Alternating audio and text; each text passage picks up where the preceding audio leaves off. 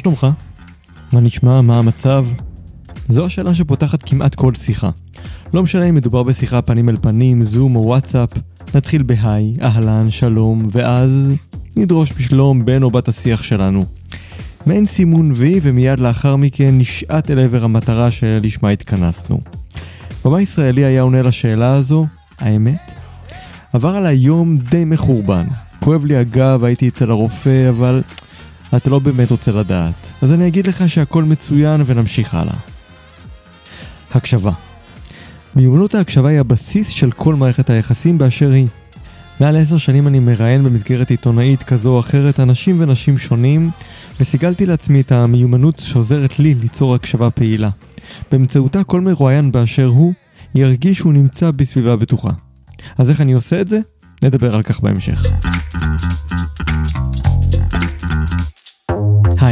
אני איתי חוכמה ואת ואתה נמצאים בפודקאסט קילס, מיומנויות הפודקאסט הרלוונטיות לארגונים, עסקים, הורים ובכלל. בכל פרק אני מראיין מומחים ומומחיות המגיעים מתחומים רבים כמו למידה, ספרות, יצירת תוכן, עיתונות ועוד. היום אירחתי את העיתונאי, מגיש וכתב חדשות 12 לירון זייד, שבעברו היה שחקן טלוויזיה שחצה את הקווים מתחום המשחק לכתב המסקר את עולם התרבות. יחד דיברנו על הקשבה לעצמי ולאחר, ועל היכולת לייצר אינטימיות בקרב המרואיינים. התמודדות עם uh, תנאי ודאות, איך לזהות סיפור טוב, מיצוב ושינוי תפיסתי, קבלת משוב והתמדה. לפני שמתחילים, תזכורת קטנה מהפרק הקודם. זוכרים שדיברנו על קהלי יעד? אז לא כולם מגיעים מאותו עולם תוכן ודוברים את אותה שפה. ולכן אני ממליץ לכם לשים לב איך לירון דאג לפשט ולהנגיש את הידע בכל פעם שהוא ישתמש בביטוי הלקוח מעולם התקשורת או התרבות. באופן הזה הוא צמצם את פערי הידע שייתכן ויהיו לחלקכם וכולנו יצאנו מורווחים.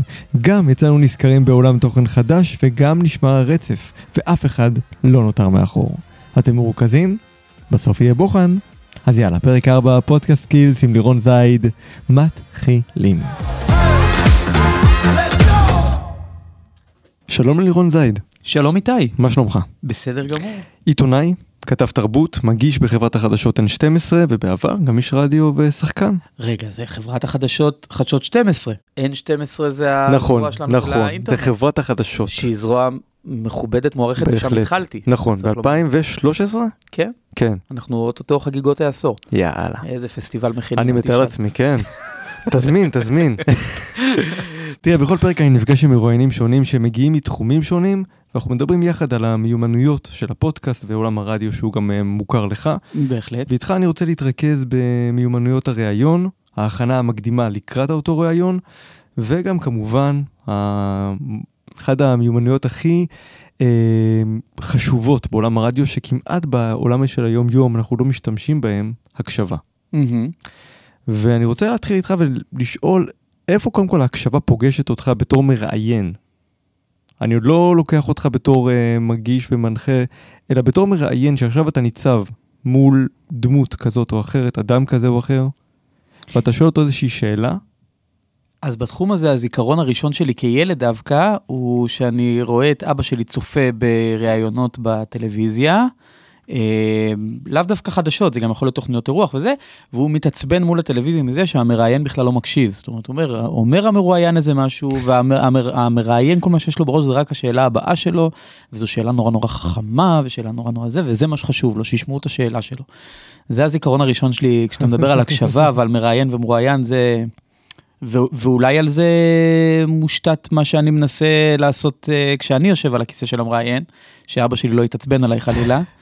אה, כן, הקשבה זה דבר נורא נורא חשוב, זה דבר שלמדתי כבר מזמן. בעצם כשראית את אבא שלך צועק על הטלוויזיה, אני מניח שפה כבר יישמת. לא, לא, תשמע, אז עוד לא ידעתי ש...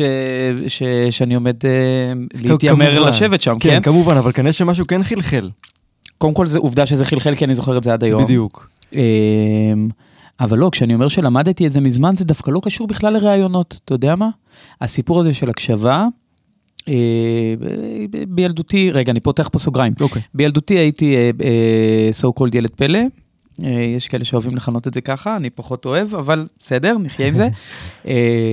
שיחקתי, שרתי, הנחיתי כל מיני דברים, ובגיל 15, משהו כזה, אה, עשיתי תוכנית בערוץ אחת, רשות השידור, זכרה לברכה, אה, שקראו לה אפצ'י וסיפור, במסגרתה הקראתי סיפורים לבובות, סטייל דודו מספר לגולו, רק שנות האלפיים, איזה כיף. ו... לא מוזר? מה מוזר? תמיד נראה לי מוזר בתור ילד מה, לדבר לבובה? כן, אתה יודע, זה נורא מצחיק, הייתי ילד וראיתי את ה... אותך למשל, מדבר לבובות, זה היה נראה לי נורא... בתור, אני אומר בתור ילד, זאת אומרת, כן. לא בתור אדם בוגר. נראה לי מאוד הזוי. כאילו, התחושה הזאת שאתה מדבר לבובה, ואומנם יש אדם שנמצא... וכילד זה נראה היה לך כן, מוזר, כי כן. דווקא אנחנו הילדים אה, עתירי דמיון. זה נכון, כאילו. אבל הרגשתי אי נוחות כשראיתי את מיכל ינאי בגינת ההפתעות. באמת? נשבע מה, לך. עם אה, שפיץ וציפה? כן, וציפי? ציפה, ציפי, ציפה. ציפה, זה... אז מי שגילמה את ציפה בגינת ההפתעות, אם זהו אכן שמה, יכול להיות שגם אנחנו שנינו טועים. וזה, אבל הציפור שהייתה כן. שם, מי שגילמה אותה זו איקי גלעד הענקית שבבובנאים ובכלל הענקית שבאדם, שהיא אה, עשתה גם את צ'ילי באפצ'י וסיפור. אוקיי. זאת אומרת, תחשוב שאני כילד מגיע לפעם ראשונה לח...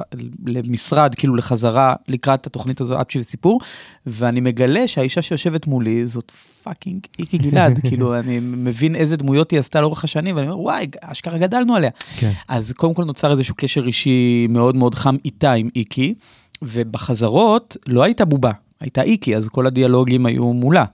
אז, אה, אז זה כבר, כשהגענו לצילומים ופתאום צצה הבובה, זה, זה כבר עשינו, בוא נאמר, אחת חצי החיבור, דרך. כן. כן, אז זה פשוט היה להביט בעיניים של הבובה במקום להביט בעיניים שלי, כי ולא יודע, דווקא כילד זה נראה לי לא טבעי, הבנתי את השטיק, אבל כאילו, בסדר, כן. לא...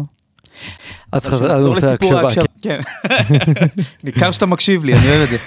אמ, אז חוץ מזה שהיו חזרות עם אה, איקי על הדיאלוגים בינינו, עיקר החזרות בשבילי היו החזרות על הסיפורים. הרי בכל פרק הייתי צריך להקריא סיפור שלם מתחילתו ועד סופו, וזה כמו מונולוג אחד ארוך.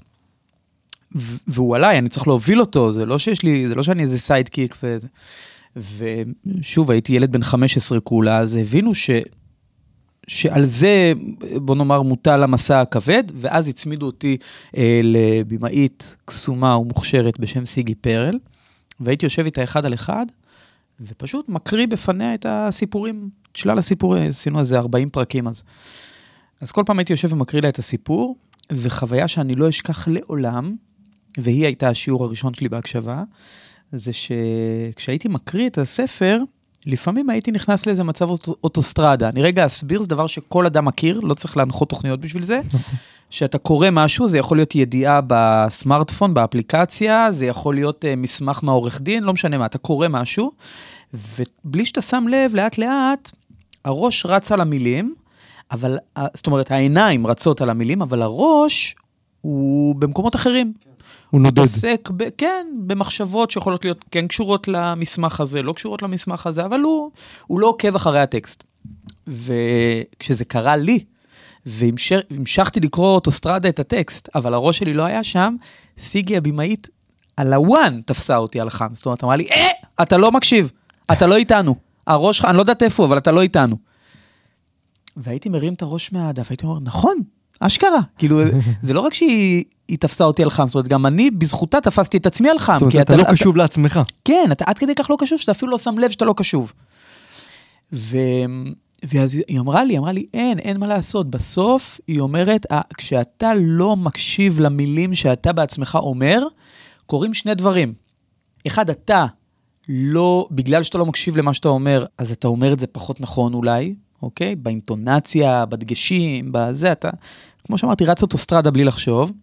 והדבר השני הוא שהקהל שלך, הקהל המאזינים, במקרה הטוב הוא עלה עליך והוא תפס אותך על חם, במקרה הרע הוא בעצמו איבד אותך. כן. כי בגלל שאתה איבדת את הקשב, אין שום סיבה הוא- שהם כן, יישארו חיבור. בקשב, אין חיבור. בדיוק. והרגע הזה היה רגע אה, שממש אה, חלחל אצלי, ואני ממש זוכר איך כילד, כשהיינו בצילומים במאני טיים של התוכנית ההיא, הייתי יושב והייתי ממש מתאמן בלא לחשוב על שום דבר אחר זולת הטקסט שמופיע לי מול העיניים. ונזכיר שכבר הייתה קריירה ענפה מאחוריך. היה לך גם את uh, My First Sony, ואת הפסטיגל, ופתוח, וחמש וחצי. נכון, אבל, אבל זאת הייתה פעם ראשונה ש, שהייתי צריך להקריא טקסט רציף, אוקיי? כל הדוגמאות שנתת זה או ששרתי ורקדתי, או ששיחקתי נניח, אז היו לי רפליקות והייתי בדיאלוג מול, מול פרטנרים, אז זה כמובן מקל על, על עניין ההקשבה, אבל פה זה היה מונולוג אחד ארוך שנמשך עשר דקות, ואני צריך להיות על זה. עכשיו, תחשוב על כמות הגירויים, או על כמות הטריגרים ש, שיכולה לבוא כשאתה ילד שיושב מול ארבע מצלמות באולפן וצריך עכשיו לתת מונולוג. ותאורה? תאורה, ורגע, ליפססתי, לא ליפססתי לפני שנייה. אה, רגע, הבדיחה עכשיו שהקראתי מהספר, זה עבר, זה זה, לא, שם, לא צחקו, לא... הראש יכול בשנייה ברור. להיות מוסט לאזורים שהם, שהם לא רלוונטיים לעכשיו, לעכשיו, הם יהיו רלוונטיים אחר כך לפוסט, כשנעשה איזו הפקת לקחים, אבל לרגע זה, אך ורק, אני צריך להתרכז במה קרה פה לשלגיה הרגע כשהיא פתחה את הדלת למכשפה הרעה, זה כל מה שאני צריך להתעסק בו. אז גם מיומנות מוספת של לספר סיפור. כן, כי... אבל שוב, אני שם את הדגש על ההקשבה, כי once אתה מקשיב לעצמך, כבר הרבה יותר קל לספר את הסיפור. אני חושב שזה בא ביחד. כשאתה באמת קשוב לעצמך, אתה גם יכול לספר את הסיפור בצורה שתרתק אותך קודם כל, וברגע שאתה מרותק, גם הקהל שלך מרותק. נכון, עכשיו אני רץ איתך כמעט 20 שנה קדימה, כשאני מגיש מבזקים, מבזקי חדשות. אתה יודע, אנחנו מריצים טקסטים, ובקלות אפשר עוד פעם לחשוב על 700 אלף דברים אחרים. אה, למשל, מה, מה האייטם הבא, והאם הכתב בטלפון, והאם הוא איתנו. אה, לא, יש באמת המון המון דברים לחשוב עליהם. אבל אתה צריך לנקות את כל רעשי הרקע האלה ולהקשיב למה שאתה אומר, כי אחרת לא, הצופים לא יבינו מה קרה באותו משא ומתן קואליציוני שאתה מדבר עליו. כן. כי אתה בעצמך לא שם. להבדיל באמת מקרייני חדשות ברדיו, אצלכם גם באמת יש הרבה יותר גירויים, כי פתאום פונים אליך מהאולפן, יש small talk. לפני הרגע שאתה פותח את המיקרופון ואתה מספר על המבזק. כן. זאת אומרת, יש פה הרבה מאוד גירויים שבאיזשהו אופן גם קשה קצת להתמקד, אני חושב. או שאני טועה. כאילו כן, אבל גם ברדיו זה ממש אותו דבר. ברדיו זה יכול להיות סביב uh, ליפסוסים, זה יכול נכון. להיות סביב תקלה טכנית שהאינסרט לא נכנס בזמן, אינסרט רק כן. נבהיר למאזינים שלא יודעים, זה הציטוט המוקלט שאנחנו מפנים אליו, שאנחנו אומרים, הנה דברים שאמר... אה, זה, זה בגל"צ, בכל ישראל זה לא היה. נכון, גם בגל"צ אגב זה, זה סיפור חדשני. נכון, יחסית, כן, בכל ישראל יש רצף עד היום למעשה בתאגיד, נכון. יש רצף, אין אינסרטים בכלל. אבל לפחות, לפחות יש רצף ולא רצף, נכון. כי פעם היה רצף, ולתודה לאל הם נפטרו מהרצף ונשארו על רצף. כן, מהרייש, כן. כן. אז אוקיי, אז דיברנו על הקשבה לעצמך. עכשיו בואו נצא רגע מהמקום באמת אה, החשוב ביותר דרך אגב, שבאמת אתה נמצא במודעות בכאן ועכשיו אתה קשוב למה שנעשה ולאיך שאתה גם מציג את השאלות ואז יש מולך מרואיין. ואני באמת אני אגיד לך דבר כזה זה נורא נורא מצחיק כשאני ניצב מול מרואיין אני נמצא בקשב מוחלט. אשתי למשל אומרת לי שאני לא מקשיב לה בכלל. עכשיו זה נורא נורא זה, זה קטע כי באמת אני שם לב אולי תתחיל לראיין אותה אולי בדיוק זה מה שחשבתי גם כן, כן לפתוח מיקרופון ואז נכון. תדברי אני, אני בקשב מוחלט אלייך. אבל באמת יש פה איזה, איזשהו אלמנט אחר לגמרי, אתה פתאום כאילו, לפחות אני מדבר על עצמי, שאני חדור מטרה. זאת אומרת, מה שיש לבן אדם שמולי להגיד, זה הדבר הכי מעניין שיש. ואז אני יכול באמת לחשוב על ההקשרים. איך זה עובד אצלך?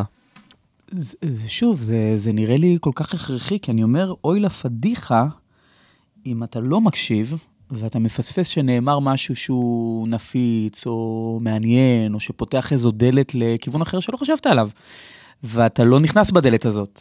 אוקיי? אוי לפדיחה, זה באמת, זה... ותהיה גאונית השאלה שכתבת מראש אשר תהא.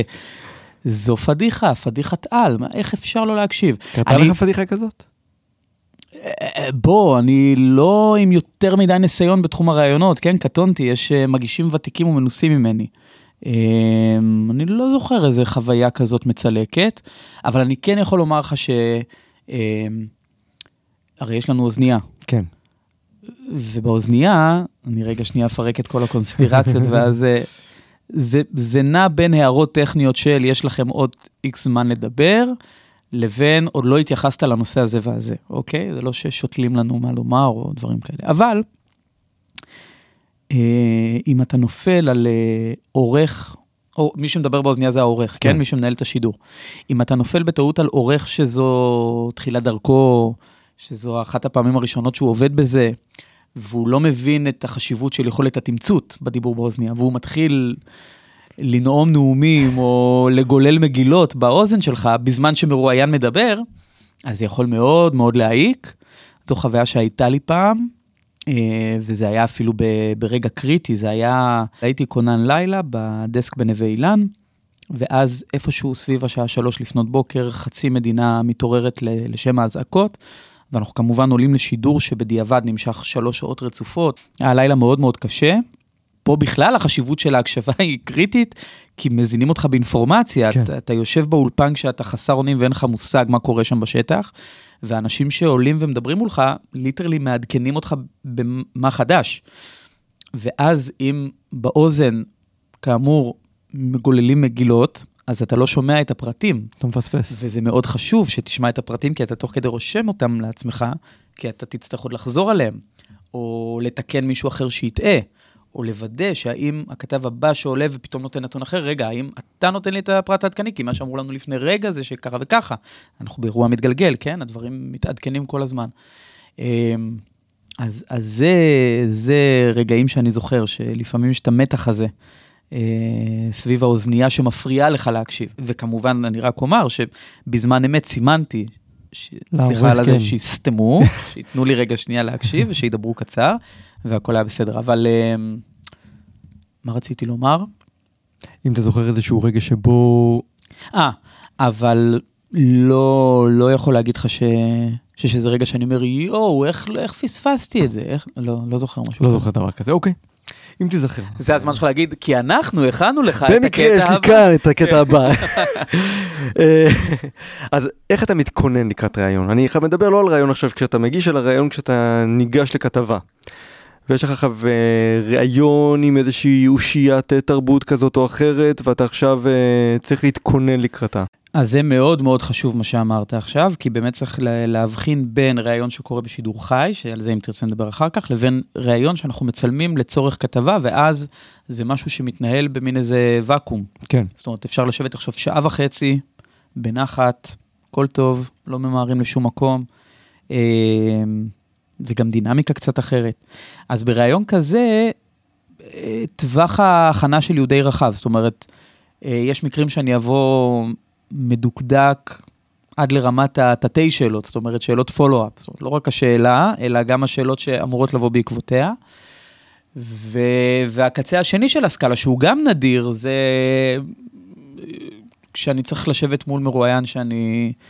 אני צולל ב, ב, בנושא, לא שוחה, כן. אוקיי? ואז, צדי צרפתי לצורך העניין. ואז אני יכול אפילו לא לרשום לי, אולי, אולי, אולי ראשי פרקים של לוודא שלא שכחתי להתייחס לשום נושא, אבל ממש כאילו בא, בא על עיוור. אבל שני הקצוות שנתתי הם חריגים. בסוף, בדרך כלל, אתה מתכונן, אתה מכין שאלות. אבל עדיין יש איזה, איזשהו נושא שאתה רוצה גם לעשות משהו חדש עם המרואיין הזה. זאת אומרת, כן. להציג אותו באיזושהי זווית שעד היום הוא לא נחשף בה. נכון. אז איך אתה באמת מבין עם עצמך, קודם כל, שאתה הולך לאיזשהו כיוון, לאיזשהו מסלול מסוים, אתה מתווה דרך מסוימת מולו, כדי להביא אותו לנקודה שבה הוא פתאום נחשף, בתקווה שתצליח. אמ, זה משתנה ממרואיין למרואיין. אגב, גם הדחף הזה או הרצון הזה להראות את הצד האחר, הוא מתחזק אצלי ככל שהמרואיין הזה הוא שחוק יותר. כן, בדיוק. אה, ככל שזה מרואיין כבר שהוא מוכר, והוא כבר דיבר, והוא כבר זה, אז, אז עוד יותר עולה בי הרצון אה, להביא את המשהו האחר. ואז, בוא נאמר שיש מרואיינים ש... שנניח אה, יותר יודעים איך זה עובד, נניח, ואז אפשר לעשות אפילו איזשהו תיאום ציפיות מראש, של לבוא ולומר להם, תשמעו, בא לי רגע שנייה להראות משהו אחר. בואו בוא נחשוב על איזשהו כיוון שיכול להיות מעניין, משהו שאנחנו לא יודעים, שהצופים לא יודעים שזה. ויש מקרים שבהם זה יהיה קצת יותר ספונטני. זאת אומרת שדווקא יתאים לי להפתיע את המרואיין out of nowhere. אתן לך דוגמה, אה, עשיתי כתבה גדולה על סטטיק ובן-אל. כשהם באמת כבר עשו אולי 470 אלף כתבות לפני כן, והכל, הכל, הכל, עשו הכל. ואז אה, החלטנו במערכת שנפתיע אותם, נביא אותם לאוזן השלישית, אה, ושוב, הם לא ידעו מזה כלום. כן. נביא אותם לאוזן השלישית, ומול המצלמה נתקיל אותם, נגיד להם, תשמעו, יש פה תקליטים, בואו תבחרו, כאילו, תגידו לי מה, מה גדלתם, מה מעורר בכם געגוע, מה... וזה זה כמובן מין דבר שאתה, זו הרפתקה, בוא נאמר, שאתה גם לא יודע איך תצא ממנה, נכון. כי יכול להיות שזה גם יהיה סתם, אתה יודע, כן, שלא יצא מזה משהו מעניין. בסוף לא משנה, זה אגב שירת אותי, זאת אומרת, זה גלגל לי לאיזושהי פואנטה שרציתי לשאול אותם בכתבה על השאיפה שלהם להוציא אלבום. אז לא היה להם שום אלבום ביד, הם רק הוציאו סינגל רודף סינגל, אז כאילו הפואנטה של כל ההתרחשות הזאת הייתה לשאול אותם על, לא הייתם רוצים שפה בין כל התקליטים גם יהיה אחד שלכם? אבל שוב, זה היה רק התירוץ. המהות הייתה באמת להוציא מהם איזה משהו שלא הכרנו. ולשמחתי, היה שם רגע שאותי נורא ריגש ברמה האישית, זה שלירז רוסו, סטטיק, אה, שולף תקליט של הגשש החיוור. הופה. שזה דבר שלא היית מצפה נכון. לשמוע מסטטיק. עכשיו, גם תמיד יכולים לומר, בסדר, זהו, הוא עושה דאווין בשביל... אבל הבן אדם עמד עם התקליט ביד, והתחיל לשלוף משפטים של הגשש בזה אחר זה. ציטט, ציטט, ציטט. ולא יודע, אני התרגשתי מזה. כי סטטיק צעיר ממני לא בהרבה, כן? זה שנים ספורות של, אה, של הפרשי גילאים בינינו. אמ, אבל אני כאילו מנטלית בן, בן 96. אני 97. כן, כן, בסדר גמור. ו- ו- ולראות פתאום אותו, שהוא כאילו הכי חם ולוהט, וכאן ועכשיו, ופורץ דרך, ו- לראות שיש שם איזו, איזו, איזו תשתית. כן. לראות שיש שם איזה שהם יסודות. שהוא לא מתנתק מהם, הוא נשען עליהם ועליהם הוא בונה את מה שזה. אותי זה נורא ריגש וזה עשה לי איזו נחת כזאת של, איי, הדור הצעיר הזה כזה, אתה יודע. מפה אני רוצה להוביל אותנו למיומנות הבאה, שזה מציאת הקול הפנימי. כן. תראה, אנחנו מכירים אותך מגיל מאוד מאוד מאוד צעיר. זאת אומרת, השם לירון זייד הוא שם נפוץ בבתים. אוקיי. ו... אחת ההגזמות אם לא לא, בוא, בוא, תקשיב. אה, לירון לא, בוא. שמות נפוצים בבתים? מי, כן, למה כן. שסתם אדם יגיד לא, את השם לא, הזה? לא, לירון זייד זה שם מוכר. בסדר. בוא, אתה יכול להצטנע עד מחרתיים, אבל זה שם מוכר. בוא, זה יותר ההוא עם הגומות. ההוא עם הגומות. ו... כמו עמי מנדלמן ב"הכל עובר חביבי", ההוא עם השפם. ההוא עם השפם, כן. עכשיו, התפתחת ועברת גם צד, זאת אומרת, מהעולם של תרבות ובידור ומשחק לעולם התקשורת שבו אתה מסקר. כן, כתב תרבות. זאת אומרת, זה לא שאני כתב ביטחוני, אני מראיין את האנשים שעבדתי איתם. כן, אתה מראיין את האנשים שעבדת איתם. נכון. ואני באמת מנסה להבין איך מוצאים את הקול הפנימי שלך, את הקול האישי שלך, שבו אתה יכול גם א', למצוא את ה... מי אתה לירון זייד בכל התפקידים שגילמת במהלך השנים, mm-hmm. ואיך אתה רוצה לבוא גם לידי ביטוי בתור הפרסונה הטלוויזיונית שהיום מוצגת על המסכים. וואו, יש לי כל כך הרבה תשובות לענות, כי הזכרת פה כל כך הרבה נקודות. אה, דבר ראשון, בואו נרגיע עם הדמות הטלוויזיונית. אני אומר את זה כי יש בשנים האחרונות קצת בלבול, והרבה מאוד, אה, לא הרבה מאוד, אני מגזים. יש אנשים בז'אנר שלי, עיתונות, כתבים, זה, שלפעמים קצת מתבלבלים וחושבים שהם הסיפור. אה, זה מאוד חורה לי התופעה הזאת. תודה על זה, המשפט מאוד מאוד חשוב. ואני אומר, אה, אה, יש עיתות רגע גם להביא את עצמנו, אבל שנייה רגע, אם יש לנו כתבה ויש גיבור לסיפור, הוא הגיבור, הסיפור הוא עליו, it's not about us, it's about him, them, her. אמ, אז, אז אני, אני כבר קצת מקבל פריחה מהעיסוק הזה בדמות הטלוויזיונית. לא מתעסק בזה יותר מדי. זה בשוטף. כן. ואז אני אומר, יש כן את המקומות וההזדמנויות שזה קורה, זה בעיניי צריך לקרות באופן טבעי וחינני, אם זה מתאמץ או אם אתה מנסה לייצר משהו, אז זה קצת עלוב. אה, אז, אז אני חושב ש... אין הרבה הבדל בין מה ש-so called הדמות הטלוויזיונית שלי לביני במציאות. אוקיי. Okay. כי בסוף החיבה שלי למוזיקה ישראלית היא מובאת ברגעים האלה שבהם אני מביא את הדמות הטלוויזיונית שלי, זה באמת אני מהחיים. תיכנס אליי לאוטו כל שבת, אתה תשמע את האוטו מוכוון אוטומטית על 103 FM, שבת עברית. שבת עברית, עורך. כן, כן, באופן טבעי. אה, כל הבדיחות אסף השטר המטופשות שלי זה כי אני, כאמור, מנטלית, יש בי משהו שנע בין זקנה איומה לבין אינפנטיליות עד בלי די, אז, אז זה כאילו מזמן את הבדיחות קרש האלה. אה, מה עוד אפשר להגיד על הדמות הטלוויזיונית? אני לא יודע, מה אפשר להגיד על הדמות הטלוויזיונית שלי? אני אשאל שאלה אחרת, לא דמות טלוויזיונית, אבל האישיות שלך, זאת אומרת, זה משהו שבסופו של דבר יש פה איזושהי החלטה. מסוימת. אני כן יכול לומר לך, למשל, סתם, שאפרופו העבר שלי כן. בתור מי שהיה בצד ההוא של המגרש, והיום אני בצד השני. אז למשל, אחת הכתבות שאני הכי הכי הכי גאה בהן שעשיתי, אה, זו כתבה אה, על שלוש נשים מהממות, אה, שנתקעו במשך שנים בקורוס. נסביר רגע? כן, תסביר מה זה קורוס. בתיאטרון יש את השחקנים הראשיים, נניח במחזמר גדול, אוקיי? יש את השחקנים הראשיים, שכל שחקן יש לו את הדמות שלו וזה, שאתה עוקב אחריה מתחילת ההצגה והצופה, סופה, אבל ברקע יש את ה-15-20 שחקנים, זמרים, רקדנים, שהם בתכלס בכל רגע נתון עומדים על הבמה, הם רק כל פעם בלבוש אחר, הם ברקע רוקדים או שרים או זה, אין להם סולואים, אין להם דמויות, אין להם זה, הם פשוט, הם כן. נוכחים שם על הבמה כדי להיות רקע. הם, הם אנשים שלוקחים חלק אינטגרלי בהצגה, הם פשוט לא בפוקוס, אוקיי? הפוקוס לא עליהם. ו... ואתה יודע, אנשים שהולכים ללמוד משחק 3-4 שנים, זה אנשים עם חלומות גדולים, זה לא אנשים שחולמים להיות בקורוס. כן. הם לא חולמים להיות שורה רביעית בצד. אבל מה לעשות, אלה החיים, אתה יודע, בסוף צריך אנשים שיהיו בקורוס. ו... ועשיתי כתבה כאמור על שלוש נשים. אני אגיד את השמות. בבקשה. שני שאולי, שמרית לוי ששון ורוני שיינדורף. שלוש שחקניות שלמדו משחק, והיו להן חלומות גדולים.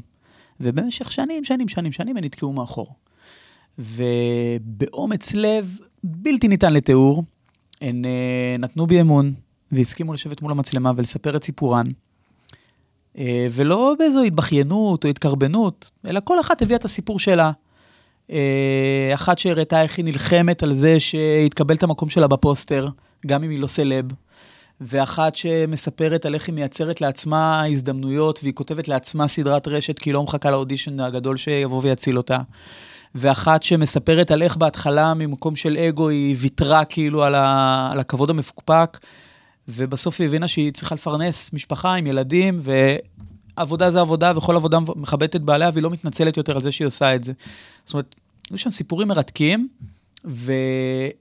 והתגובות שקיבלתי אחרי שהכתבה הזאת שודרה, מתוך הברנז'ה של שחקנים, אומנים, הם הרגישו שפתאום מישהו, מישהו מספר את הסיפור אותם, כן. שלהם, מישהו רואה אותם, מישהו משמיע את הקול שלהם, זה נורא נורא נורא ריגש אותם. ואני אומר לך, אפרופו הקול הפנימי והחיבור לאט, אני לא בטוח אם הייתי שש לעשות כתבה כזאת, או אם היה מעניין אותי, או אם זה בכלל היה חולף, חולף לי בראש, אם לא הייתי שם בצד השני, אם לא הייתי מכיר את האנשים האלה מה, מנקודת המבט שלי נכון. בעבר.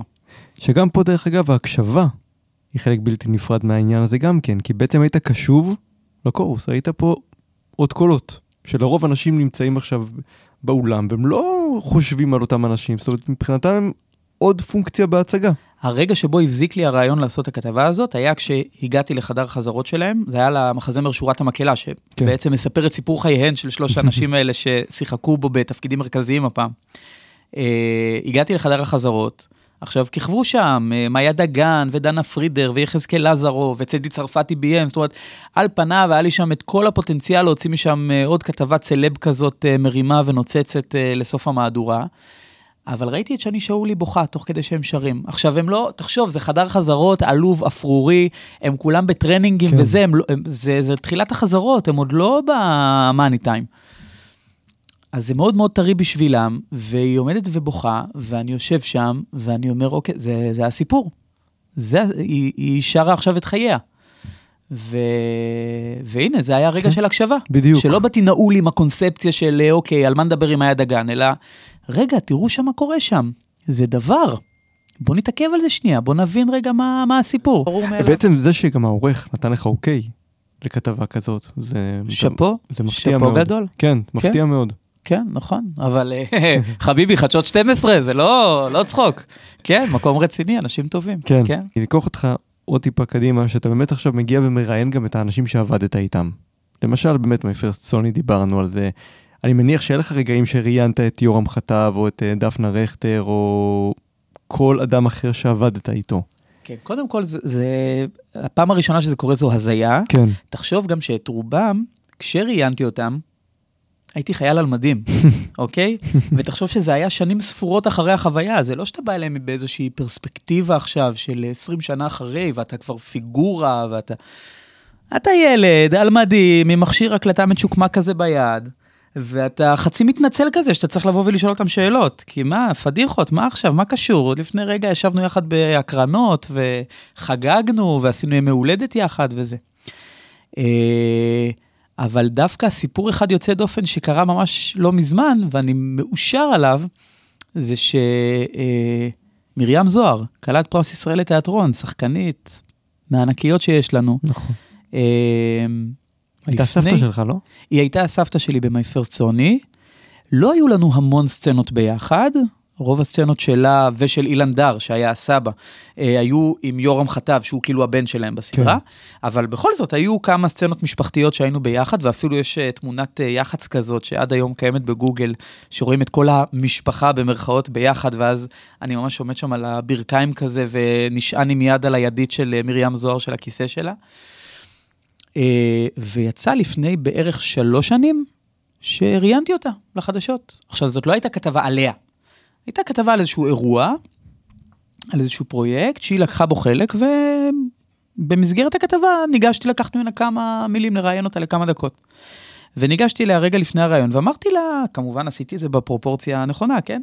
אמרתי לה, תשמעי, מרים, אה, לא מצפה שתזכרי מזה משהו, שזה, בשבילך זה פירור ב, ב, בקריירה, אבל לי נורא נחמד מה שקורה פה, כי יש פה איזו סגירת מעגל מבחינתי, כי הייתי הנכד שלך בסדרה לפני 20 שנה, מפרסט סוני של אורי ברבש. בהתחלה היא לא זכרה אותי כמובן, אה, ו... ואז הראיתי לה את התמונה, את אותה תמונת יח"צ שמצאתי בגוגל, ואז התחילו ככה האסימונים ליפול לה. אבל שוב, זה לא שהיו לנו איזה שהם זיכרונות, אה, אתה יודע, אה, גורליים לה ולי, אבל סתם, זכרה פתאום רגעים קטנים מהסט, ובסוף אה, הצילומים של אותו ראיון של כמה דקות, היא ניגשת אליי והיא אומרת לי, אה, פעם היית נכד שלי, לעד תהיה נכד שלי, אה, בוא, בוא נהיה בקשר, תן לי את המספר טלפון שלך, בוא קח את הטלפון שלי, בוא נהיה בקשר. עכשיו, קודם כל, כמובן שהגבתי לזה בשמחה ובזה, אבל בתוך תוכי אמרתי, טוב, זה, זה אמירת אה, נימוסין כזאת נחמדה. תשמע, יש לי סבתא. איזה יופי. כן. סבתא מרים. אנחנו בקשר, וכשאשתי נכנסה להיריון עם התאומים שלנו, אז סיפרתי לה ש... שאנחנו בהיריון. ואז לימים הילדים נולדו, והיא הכירה את הילדים, ואנחנו וואו, באים אליה. איזה כיף. וחגגנו אצלה יום הולדת שנה שהיה להם. ו... אורי עכשיו... ברבש מודע לתיווך הזה שהוא עשה ביניכם? אה, האמת, אני לא יודע. אורי, קרה, קרה האירוע. גם את אורי אני פוגש מדי פעם. יצרת נכד וסבתא, כן? כן, כן, ממש. בחיים האמיתיים. תקשיב, זו שמחה גדולה, ואנחנו הולכים יחד אשתי ואני להצגות שלה. ו... אישה יקרה, בקיצור, כן, נו, אז הנה, אז אתה רואה, אפרופו הקטע הזה של... uh, חצה את הקווים וזה, פתאום uh, התחדש, מה זה התחדש? נוצר קשר, כן. בוא, זה לא שהתחדש, זה לא שלפני זה היינו באיזשהו קשר. נוצר קשר חדש. כן. לא אבל בוער בך מדי פעם לחזור לעולם הזה של המשחק? לא. באמת? נשבע. מתי בעצם נגמר לך? לא יכול להגיד נקודה אחת, אבל אני חושב שאיפשהו בנעורים, כשהייתי כבר uh, עמוק בתוך זה, אה, לא, אני, אני יודע להגיד לך, אני יודע, אבל זה לא למה זה לא, אני יודע, אוקיי. כשהייתי בן 14, הנחיתי את חמש וחצי, שזו הייתה מהדורת חדשות לילדים. זה היה אירוע חדשני בזמנו, כן? לא נכון, לא היה דבר כזה לפני. ערוץ הילדים לדעתי. נכון, זה היה כן. בערוץ הילדים. מי היה שם? אלכס אנסקי? לפניו.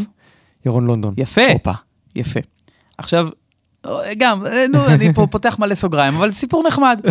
אני בכלל באותה תקופה השתתפתי באיזו תוכנית אחרת בערוץ הילדים, אה, שקראו לה פתוח, לא משנה, ובאמצע יום הצילומים קוראת לי שירי קליינמן, שהיא הייתה אז עורכת בערוץ הילדים, והכרנו וזה, קוראת לי אליה למשרד לאיזושהי התייעצות. ואני חוצה שם את הכביש באולפני הרצליה בהפסקת צהריים, נכנס לשירי למשרד, ויושב שם לידה אדם שאני לא מכיר, שמו מיקי רוזנטל, לימים כן. כולנו מכירים, אבל אז רק אנשי אחורי הקלעים הכירו אותו, ואני כילד לא ידעתי מי זה. ושירי ומיקי יושבים בחדר ומספרים לי על זה שהם מנסים לפתח איזשהו פורמט, הימים הם ימי האינתיפאדה השנייה, אוקיי? פיגועים, ילדים סגורים בבתים, ההורים שלהם לא נותנים להם לצאת. והוא ושירי חושבים על איזשהו פורמט של לעשות מהדורת חדשות לילדים. למה? כי יש עכשיו המון המון המון חדשות והן נורא מפחידות, ורוצים רגע לתווך את זה לילדים, לדבר אליהם בגובה העיניים ולהסביר להם מה קורה. לא להתעלם ממה שקורה, אבל להסביר את מה שקורה בצורה שלא תפחיד אותם. ושואלים אותי קצת מה אני חושב על הפורמט, ומה אתה אומר, זה צריך להיות אה, יותר שיחות באולפן, או יותר כתבות בשטח, ומה זה, ומה אתה אומר על זה שאולי ירון לונדון יגיש את זה, איך נשמע לך שירון לונדון יגיש, ומה אתה אומר על זה שישב ילד לידו ויגיש יחד איתו והם יהיו ביחד. עשו איתי מין brainstorming כזה, כן. סיעור מוחות. ו... ואז יום או יומיים אחרי השיחה האקראית הזאת, מתקשרת אליי שירי ואומרת, אה, תשמע, נכון, דיברנו איתך, אז אנחנו עושים פיילוט, אנחנו מצלמים מחר, אתה קצת גדול לנו מדי, אתה בן 14, אנחנו רוצים שהילד יהיה קצת יותר קטן, אבל אה, רק בגלל שזה עוד יומיים ועושים פיילוט, אז אכפת לך לבוא? ברור, בטח בכיף הזה. באתי, עושים את הפיילוט, ירון לונדון ואני, אה, והיה ממש ממש ממש ממש כיף.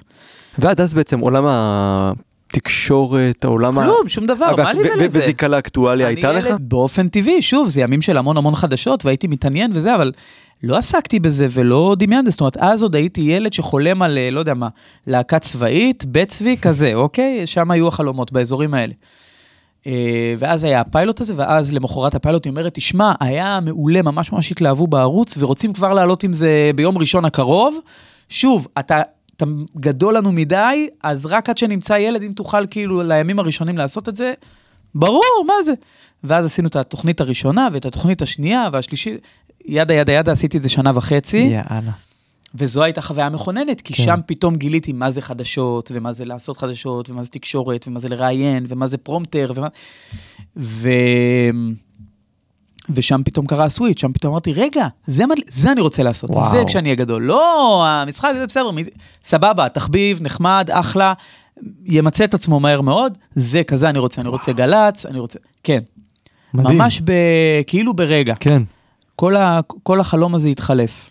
אה, ו, ו, וניתוח שאני עושה בדיעבד לגבי זניחת עולם המשחק, והעובדה שזה היום לא מעניין אותי, זה שאני אומר, וואלה, אולי, הרי ילדים חולמים על העולם הזה חלומות מאוד מאוד ורודים. נכון. ואגב, לא רק בקטע של פרסום, אלא בקטע של לעשות דברים גדולים ומשמעותיים וקהל וזה. אמ, ואני חושב שבגלל שהייתי ילד שהיה במגרש של הגדולים, וראה את זה הכי הכי מקרוב שיש, והבין איך זה באמת באמת נראה, אז אני חושב שכל הפנטזיות אה, נוקו. זאת אומרת, מהחלום נשאר שם איזשהו זיק, זיק של, כן. אה, של אהבה ל- לעולם הזה, ועובדה שאני אוהב אותו עד אבל היום. בוא, גם עולם התקשורת הוא לא עולם פשוט וקל. נכון. הוא לא זוהר בשום צורה. הוא זוהר, אבל לא... הוא לא זוהר בכלל, אבל, אבל, אבל אני רק אומר ש, שכבר הייתי בלי הפנטזיות. הבנתי, היית כבר עם הרגליים על. הקרקע. ו- לגמרי. כן. ואז אתה כבר, ואז כבר השיקול בין החלום הזה לחלום הזה הוא כבר הרבה יותר רציונלי, הוא פחות אה, בעולמות של ילד כן. שמפנטז על איזה, לא רגע, יודע מה. בעיניך עולם התקשורת הוא לא זוהר בכלל? לא. לא. בדיוק לפני כמה זמן פגשתי חבר ילדות, אה, שהרבה זמן לא נפגשנו, כי שנינו נהיינו הורים ועסוקים וזה, והוא גם רופא, ו... והוא שואל אותי, כאילו, עד כמה מזהים אותך ברחוב? כמה... אז אמרתי לו, מזהים, אבל בסדר, כאילו... אז הוא אומר, ואיך איך אתה מרגיש עם זה? כי אני זוכר, הוא אומר לי, כילד שכשהוא מזהים אותך, זה, זה היה קצת מעיק עליך. אז אמרתי לו, נכון, כי, כי כשא' ילדים זה היה חרא. נכון. זה עם של זבל. ואתה היית ילד קטן שבאמת כבר התפרסם. לא, ו- וגם, וגם מה הילדים עכשיו? כאילו, ילדים יבואו וייתנו לי אה, פידבקים, הם אמרו, אה, זה אתה מה זה. בסדר, זה לא, זה לא מעניין. כן. היום, כשזה כבר מבוגרים וזה, אז אתה יודע, אם, אם הפידבקים באים עם אה, רשמים, אוקיי? שב, שבאמת נותנים איזשהו פידבק. איזשהו משוב מעמיק. כן, כן, אז, אז זה נורא נעים ונורא נחמד. אגב, גם כשזה על דברים אה, כאילו פחות טובים. נניח אישה אחת שאמרה לי, אה, זה, נורא נהנית לקום איתך בבוקר וזה, חיוך, אנרגיה וזה. רק שאלה אחת היא אומרת לי, דבר שנורא מפריע לי, לפעמים אתם מצחקקים ביניכם בחלונות בתוכנית בוקר, ואז מתחיל המבזק ואתה צריך לדבר על מישהו שנהרג בתאונת דרכים. אז אמרתי לה, תראי, א', אני משתדל מאוד שזה יהיה בטוב טעם המעבר, אפרופו שחר ורועי, בית הספר לטוב טעם. אני נורא משתדל, וב' אמרתי לה, אין מה לעשות, אלה החיים. כאילו, אדם נהרג בתאונת דרכים, זה, זה נורא נורא עצוב וזה נורא קשה. אבל זה לא אומר שעכשיו אני כל היום אהיה עם פרצוף איכה, כאילו, כמו שאת לא תהיי כל היום עם פרצוף איכה כי מישהו נהרג. בסדר, כל, בכל רגע נתון אנחנו חווים איזה משהו ומגיבים אליו בהתאם. אז אם שנייה לפני נאמר משהו קליל, מצחיק, אפשר לצחוק ממנו, ושנייה אחרי זה כשמדברים על משהו רציני, אז אפשר לרגע להרצין ו- ולהפנים את הדבר ול- ו- ולהיות בזה. אז אני אומר, כשאלה הפידבקים, אז זה נורא נעים וזה נורא כיף לנהל דיאלוג עם הקהל. אמ, אבל, אבל אין איזה עיסוק בכמה מזהים, או זה לא מעניין, זה לא... זהו, הזוהר, כשאני דיברתי על עליו, זה לא. עניין של זיהוי, זה- דיברתי על הזוהר הפנימי שלך. זאת אומרת, על ה... על- תראה, כשהייתי בעולם התקשורת, יש משהו ש... חדוות, חדוות היצירה הזאת היא מאוד מאוד על זה דיברתי, על זוהר הפנימי, משמעית, דיברתי על זוהר פנימי. כן, לא, זה- זה- אני ועוי זה היה איזשהו זוהר פנימי. חדווה יש ביג טיים, כן. חדווה יש בענק, באמת. אנחנו, אני חושב ש, שכל מי שבתחום הזה לאורך שנים, כי בוא, יש הרבה שמגיעים באמת, אפרופו עם חלומות גדולים, ומבינים שיש איזו דרך חתחתים לעבור, ולא מתאים להם, כי הם באו לפנטזיה. בדיוק. ואז פורשים וזה. אבל אלה שאתה רואה שרצים למרחקים ארוכים ו- ו- ומגיעים ועושים דברים משמעותיים, אז אני לא חושב שאתה תמצא מישהו שיגיד לך, אה, משעמם אותי. ברור שיש חדווה גדולה. מה זה? אגב, בטח בתחום שאני מסקר, כאילו בתחום הזה של תחום התרבות. התרבות, אתה כן. יודע, זה לא שאתה כתב פלילים שצריך לרוץ מזירת רצח אה, מדממת אחת לאחרת. כן. אתה פוגש באנשים מעוררי השראה, עם סיפורים יוצאי דופן, אה, לא יודע, כאלה שגדלת עליהם. ש... מה זה? זה אושר גדול. זה אושר גדול. לסיום, אני אשאל את השאלה שבאמת אה, הרבה מאוד אנשים שמתחילים להתעסק בעולם של רדיו, של פודקאסטים וכל השאר, קשה להם מאוד לשמוע את עצמם. אתה בטח מכיר את זה גם כן מתחילת הקריירה, או שלא. אה, לא, אה, דבר שנורא נורא קשה לי זה לפעמים לראות דברים שלי מפעם. זו- זו- דברים זו שקצת השאלה אה, שלי, כן. מביכים אותי. זו השאלה. בעיקר אגב תעופה עצמית, זאת אומרת, כשהייתי נער אז ההורים שלי עשו לי מין שואוריל כזה. אז קראנו לזה כרטיס ביקור, לא כן. ידענו מה זה שואוריל. היום אני יודע שקוראים לזה שואוריל. מין תקציר של שלל המעללים שעוללתי בטלוויזיה וזה. ו... והם היו נורא גאים בזה, ונניח כשהיו באים חברים בשישי בערב, לא. ואני נער, אז הם היו רוצים להראות להם, אוי. כי הם נורא גאים בבן כן. שלהם. ואני, או שהייתי מתחנן שלא יראו, או שהייתי מתחבא בחדר ומחכה שזה ייגמר. כי זה נורא נורא הביך אותי. ה- הקידוש העצמי הזה, ה- לא יודע, זה זאת אומרת, לא-. לא עלה לך. לא חושב, לא. והיום כשאתה נגיד רואה את אה, My First אה, Sony, או דברים שעשית בתור ילד, איך אתה מגיב לזה? קודם כל באהבה גדולה. אה, הרוב המוחלט של הדברים שעשיתי אני מאוד גאה בהם, וזה, ואני גם יודע להסתכל עליהם בהומור עצמי, אוקיי. יודע גם לצחוק על עצמי, זה וזה. כן. אפרופו אה, משפחת בתחת, שכמו או... ש... כמו שגורי אלפי הבטיח לי בזמנו, הוא בהחלט עומד בהבטחה, זה רודף אותי לדיראון עולם, אבל אני מקבל את זה בהומור עצמי, והכל טוב. זה נורא מצחיק, זה סדרה על כלום, שום דבר, זה רק, זה רק פרומו היה, זה אפילו לא הייתה סדרה. אתה טועה. זה, זה היה פרומו, ואז כל כך אהבו את הפרומו שהחליטו גם לעשות פרק. ויש פרק של משפחת פרק אחד. רק? זה, מה זה פרק? בשידורי זה מערכון. זהו, זה מערכון, בשידורי כן. המהפכה, יש, בפרק הראשון של שידורי המהפכה היה פרומו לסדרה שנקראת משפחת נכון. בתחת. רותם אבואב, אסי כהן, רותם גורי אבואב בתור תפקיד כהן. הסבתא. אבל גורי עוד אפילו לא היה בפרומו. בפרומו זה היה רק אה, אסי, רותם ואני, זה היה בפרומו אם אני זוכר נכון, ואז הפרומו היה כל כך אה, מוצלח, שאמרו בואו נעשה פרק, כאילו בואו נעשה מערכון שידמה פרק של משפחת בתחת. ואז אחרי כמה פרקים עשינו מערכון, לא שהמערכון זכר- הזה לא היה פרק זה. של שלוש סצנות, ששיחקו שם גם גורי בתור הסבתא וגם אורי אומנותי בתור המחנכת, שאנחנו או. כאילו באים ליום הורים כזה. אה, עם הפואנטה הידועה של אה, א' סטופ ב' בתחת, כן. א' סטופ אה, ב' נכון, בתחת. נכון, נכון, נכון. אתה רוצה אגב סיפור על זה? כן.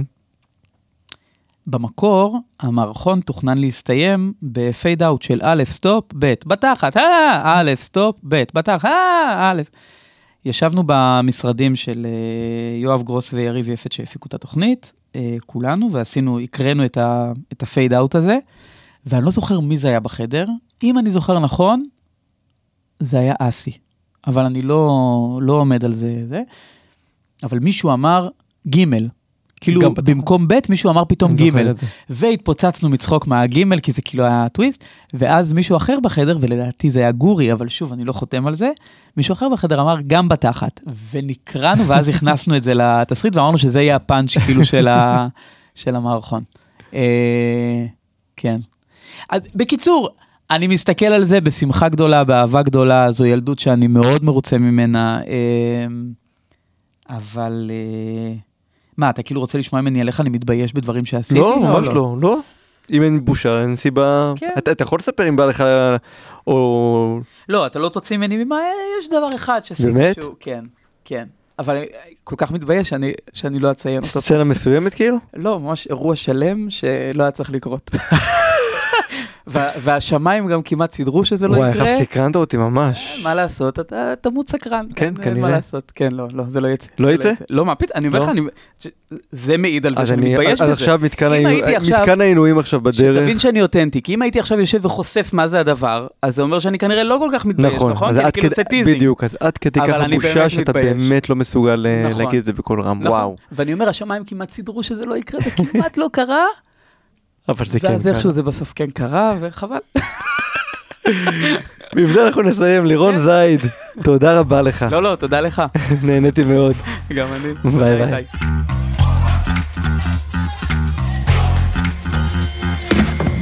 נו, הקשבתם? כן, אז קדימה, בואו נבחן את רמת הקשב שלכם. היכנסו לקהילת פודקאסט קילס וענו על השאלה, מהן המילים קורוס ואינסרט. אז על מה דיברנו היום? קודם כל על המיומנות החשובה ביותר, הקשבה. בזכותה תוכלו לייצר סביבה בטוחה עם בן או בת השיח שלכם, לא משנה באיזו מסגרת השיחה נעשית. היא יכולה לקרות בעבודה מול עובד שלכם, קולגה או ספק.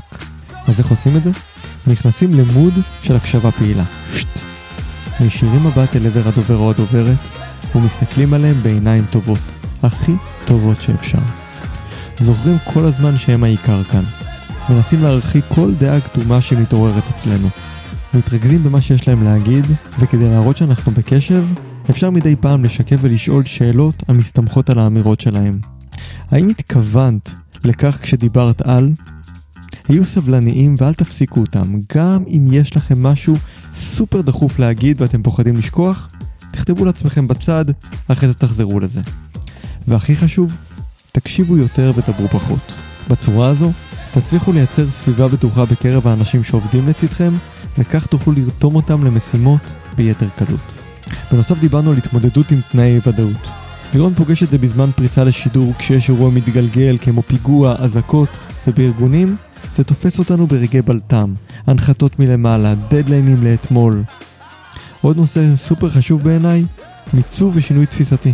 כל אחד מאיתנו מתחיל בפוזיציה מסוימת, ולאט לאט גדל, אולי בתוך הארגון, אולי מחוצה לו, והוא צריך להתרגל לטייטל החדש, לתפקיד, לאחריות שלפתע נוחתת על כתפינו. איך עושים את זה? אז קודם כל חשוב לפתח הקשבה פנימית, ולנסות להבין איך אנחנו רוצים להתנהל.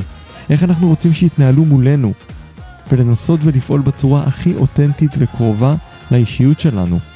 שוחחנו גם על נושאים נוספים כמו זיהוי סיפור טוב, קבלת משוב והתמדה, אלו מיומנויות קריטיות למנהלים שבסופו של דבר צריכים לדעת כיצד להוביל את הצוותים שלהם בעולם עבודה משתנה באמצעות יצירת הנאה פנימית, כדי לעודד את עובדיהם לסגל לעצמם את חדוות העשייה עליה דיבר לירון.